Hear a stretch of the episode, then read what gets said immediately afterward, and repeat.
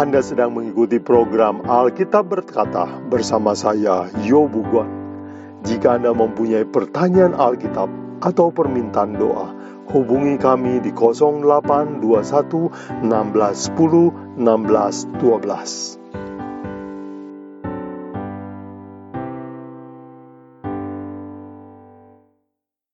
Kita akan belajar firman Tuhan bersama-sama melanjutkan pembahasan 10 hukum kita. Hari ini kita akan membahas hukum keempat, ingatlah dan kuduskanlah hari sabat. Sebuah topik yang paling kontroversial dalam dunia kekristenan. Mari saudara sekalian, sebelum kita belajar, kita tunduk kepala untuk minta doa. Bapa di surga, terima kasih untuk hukum yang memerdekakan, hukum yang membahagiakan.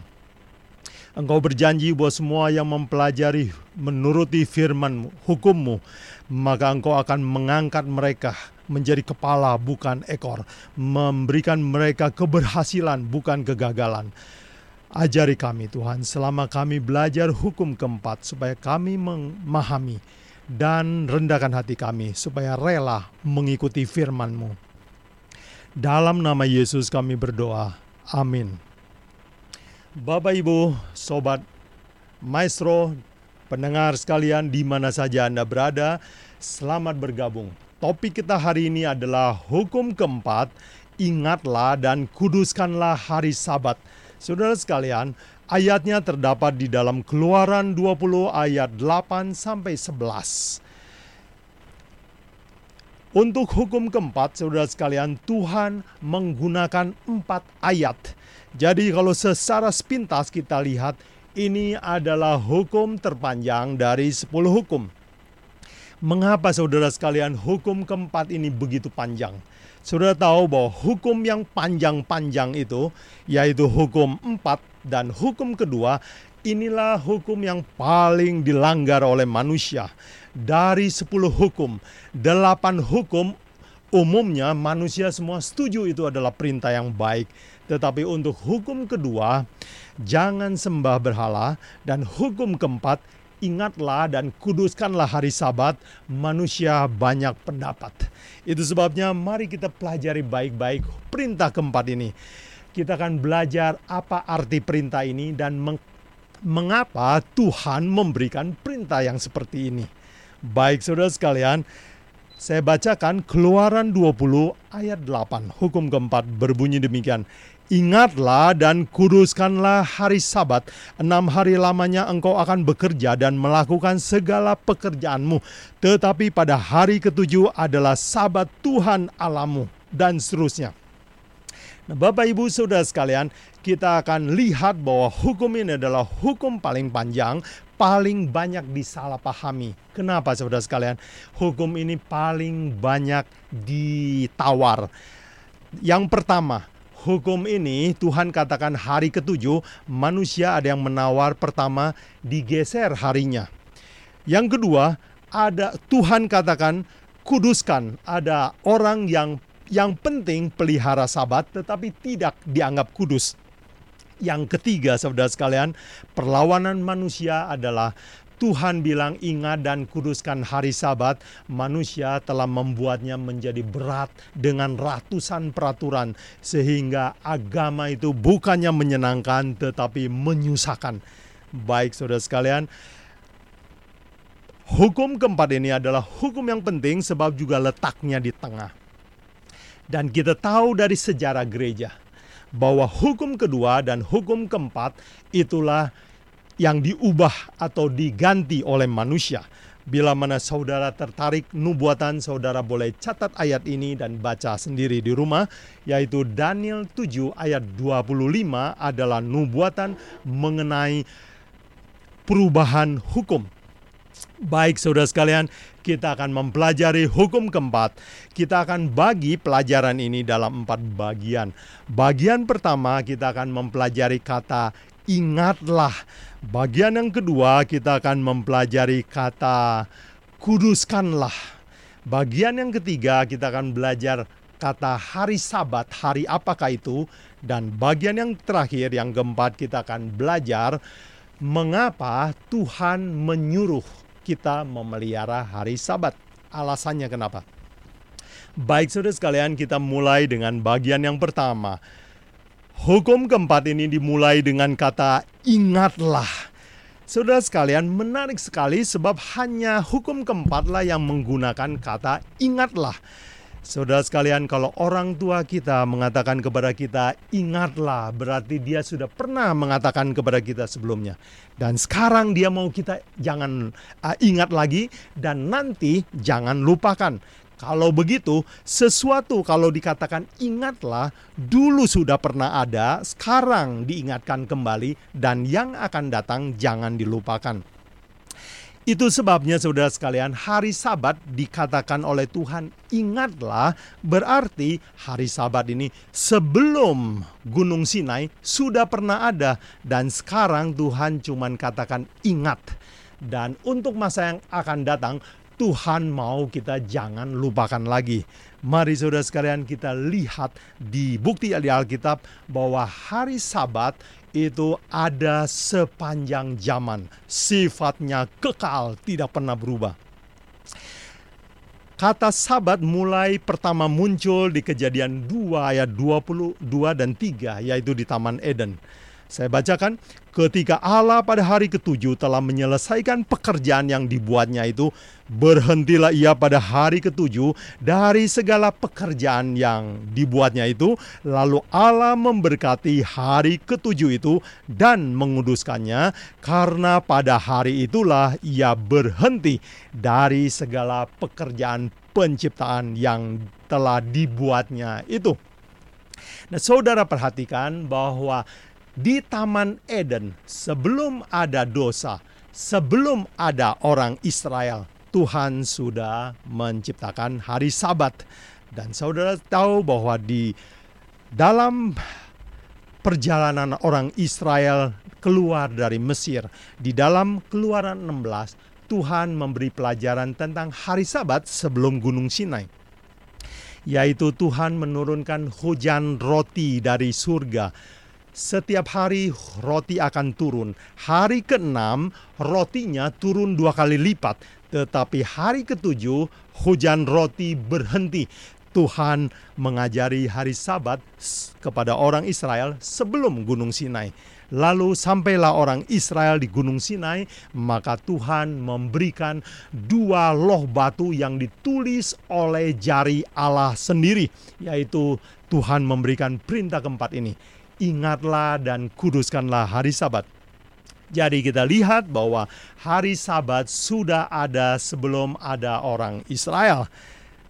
Mungkin saudara bertanya bagaimana dengan zaman Yesus? Yesus ketika datang lahir di dunia ini berselisih 1500 tahun kemudian setelah Musa. Apakah pada zaman Yesus hari Sabat masih berlaku? Mari kita lihat catatan Alkitab di dalam Lukas 4 ayat 16 dicatat demikian. Ia, yaitu Yesus, datang ke Nazaret tempat ia dibesarkan dan menurut kebiasaannya pada hari Sabat ia masuk ke rumah ibadat lalu berdiri hendak membaca dari Alkitab. Jadi Yesus kebiasaannya adalah berbakti pada hari Sabat. Jadi pada zaman Yesus, hari Sabat masih berlaku. Mungkin saudara juga ingin tahu bagaimana dengan setelah kematian dan kebangkitan Yesus ke surga. Mari kita baca di dalam Matius 24 ayat 20. Matius 24 adalah nubuatan tentang akhir zaman.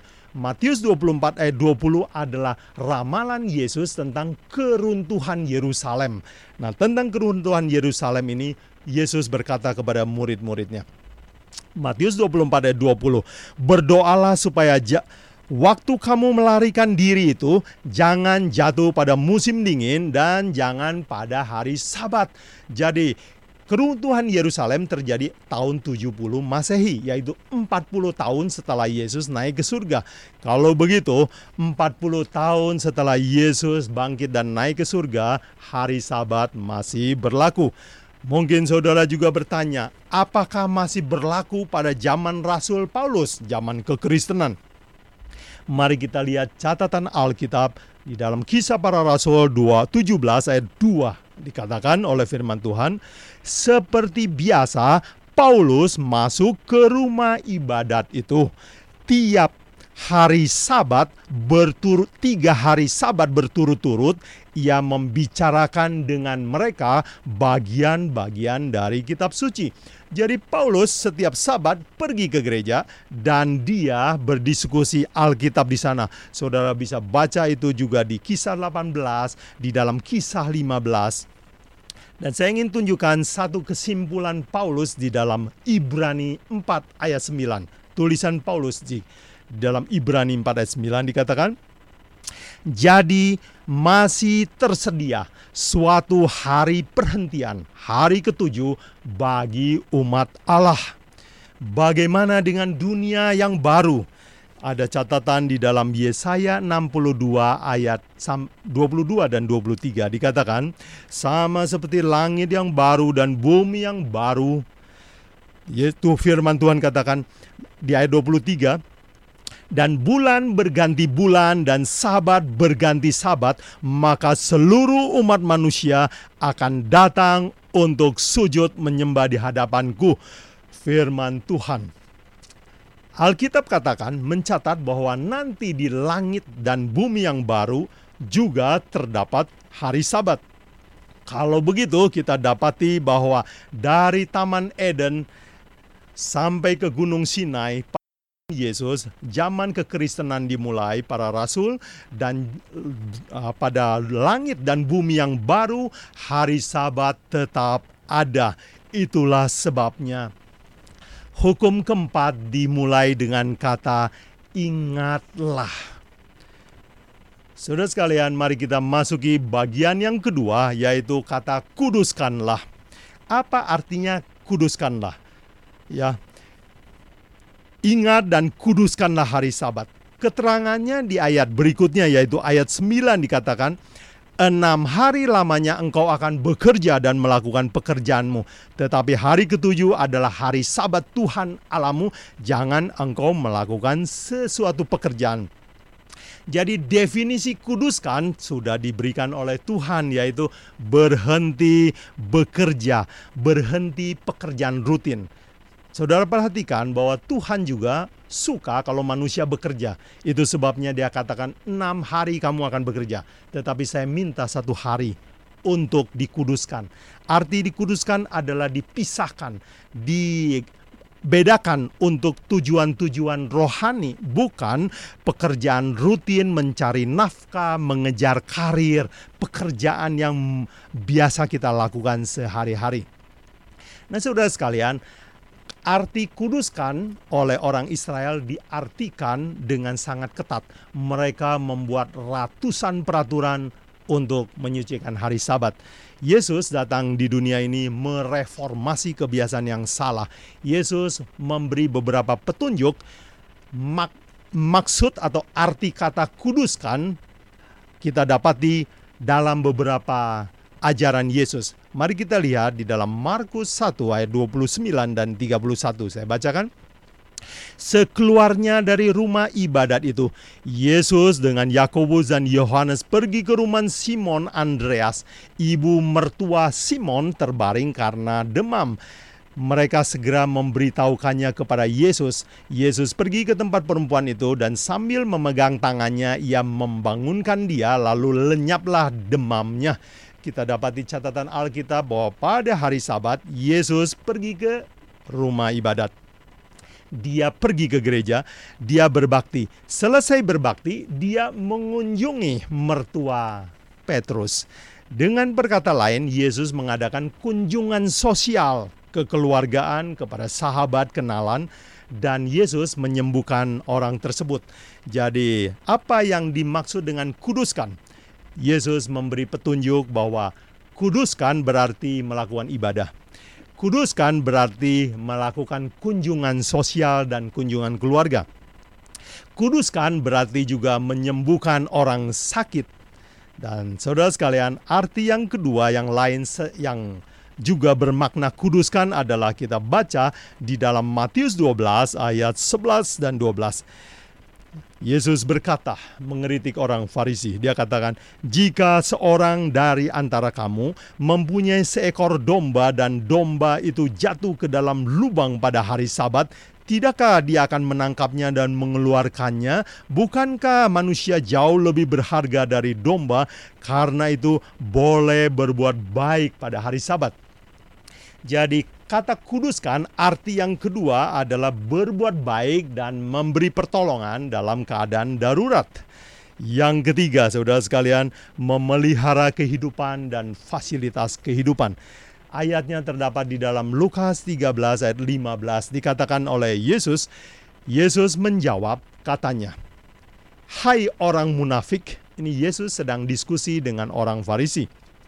Sebab orang-orang Yahudi itu lebih mencintai hewan daripada manusia. Itu sebabnya Yesus menggunakan kata, "Hai orang munafik, bukankah setiap orang di antaramu melepaskan lembunya dan keledainya pada hari Sabat dari kandangnya dan membawanya ke tempat minuman?" Sudah sekalian, orang Israel mereka walau punya ratusan peraturan tentang hari Sabat, mereka biasa memberi makan kepada hewan dan memang memberi makan kepada hewan adalah pekerjaan yang kudus. Jadi dengan kata lain, Yesus memberi petunjuk kepada kita bahwa memelihara kehidupan, menjaga fasilitas kehidupan adalah pekerjaan yang kudus. Dan saudara sekalian, itulah bagian yang kedua. Sekarang kita pergi ke bagian yang ketiga, Hukum ini katakan ingatlah dan kuduskanlah hari sabat. Hari apakah hari sabat itu saudara sekalian? Sabat artinya berhenti, artinya stop, artinya libur. Pertanyaannya saudara sekalian, hari apakah yang dimaksud oleh Tuhan Sebab ada orang yang berpendapat hari ketujuh itu terserah kita mau hitungnya dari hari apa. Kalau kita hitung dari Selasa, maka hari ketujuhnya adalah Senin dan tergantung kita. Mari kita lihat di dalam Keluaran 20 ayat 10 bagaimana Tuhan menerangkan hari ini. Dia katakan, "Tetapi hari ketujuh adalah hari Sabat Tuhan alamu." Jadi Tuhan katakan yang disebut hari Sabat adalah hari ketujuh dan di, bahkan dikatakan hari Sabat Tuhan alamu itu hari milik Tuhan. Jadi hari Sabat adalah hari ketujuh. Pertanyaan berikutnya adalah hari ketujuh itu jatuhnya hari apa? Saudara sekalian, mari kita gunakan dua sumber untuk belajar ini. Hari Sabat jatuh pada hari apa? Kita pertama menggunakan Alkitab yang kedua, kita menggunakan orang Israel. Mari kita lihat Alkitab lebih dulu. Lukas 23 ayat 56b mencatat demikian.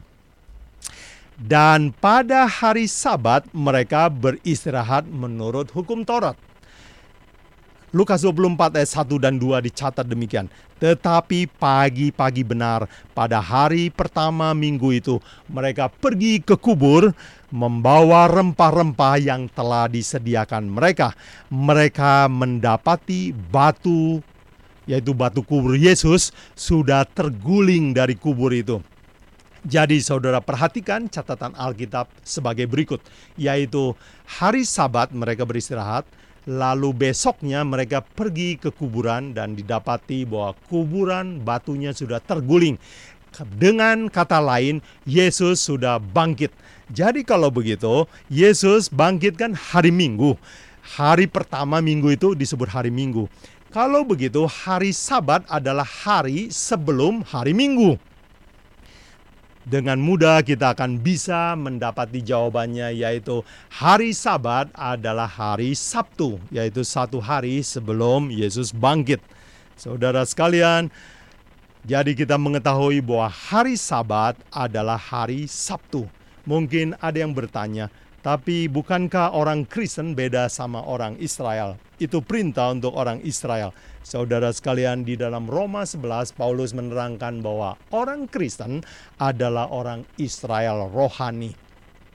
Dan dalam, di dalam Yesaya 56 ayat 6 Tuhan juga meramalkan lewat Nabi Yesaya bahwa orang-orang setelah Injil akan ditolak, banyak orang bangsa lain akan bergabung menjadi umat Tuhan.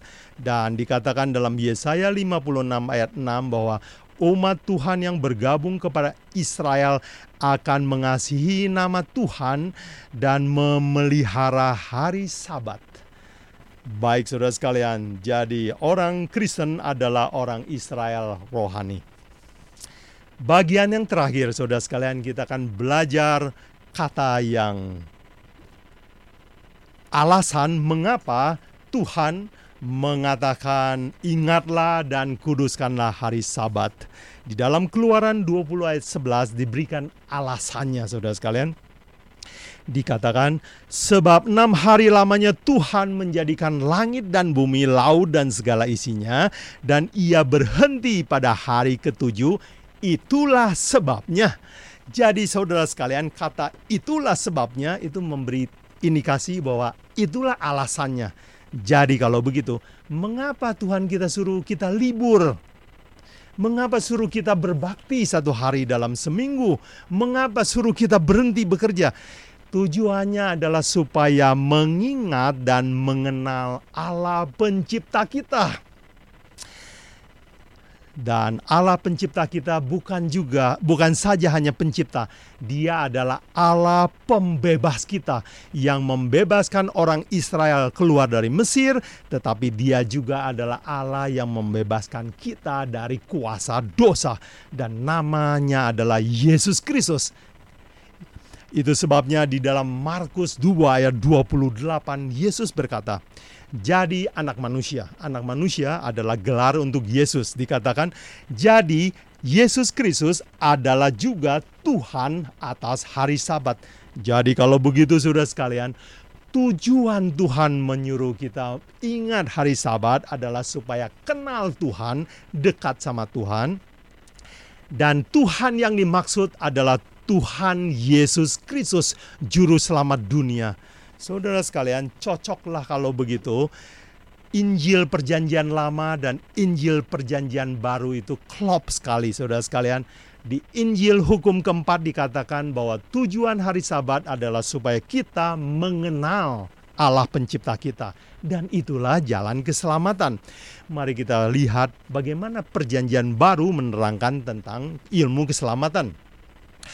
Yohanes 17 ayat 3 katakan, Dan inilah hidup yang kekal itu, yaitu bahwa mereka mengenal engkau satu-satunya Allah yang benar dan mengenal Yesus Kristus yang engkau utus.